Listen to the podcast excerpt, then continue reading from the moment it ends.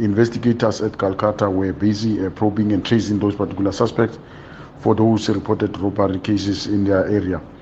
Uh, the investigation led them to an abandoned house in Marite outside Hazyview where the two suspects were apprehended, then later charged. The two are faced with a total of about seven incidents of armed robberies, of which some are related to the hijackings and delivery or hijackings of delivery trucks on the R40 road that were committed in November and December 2023.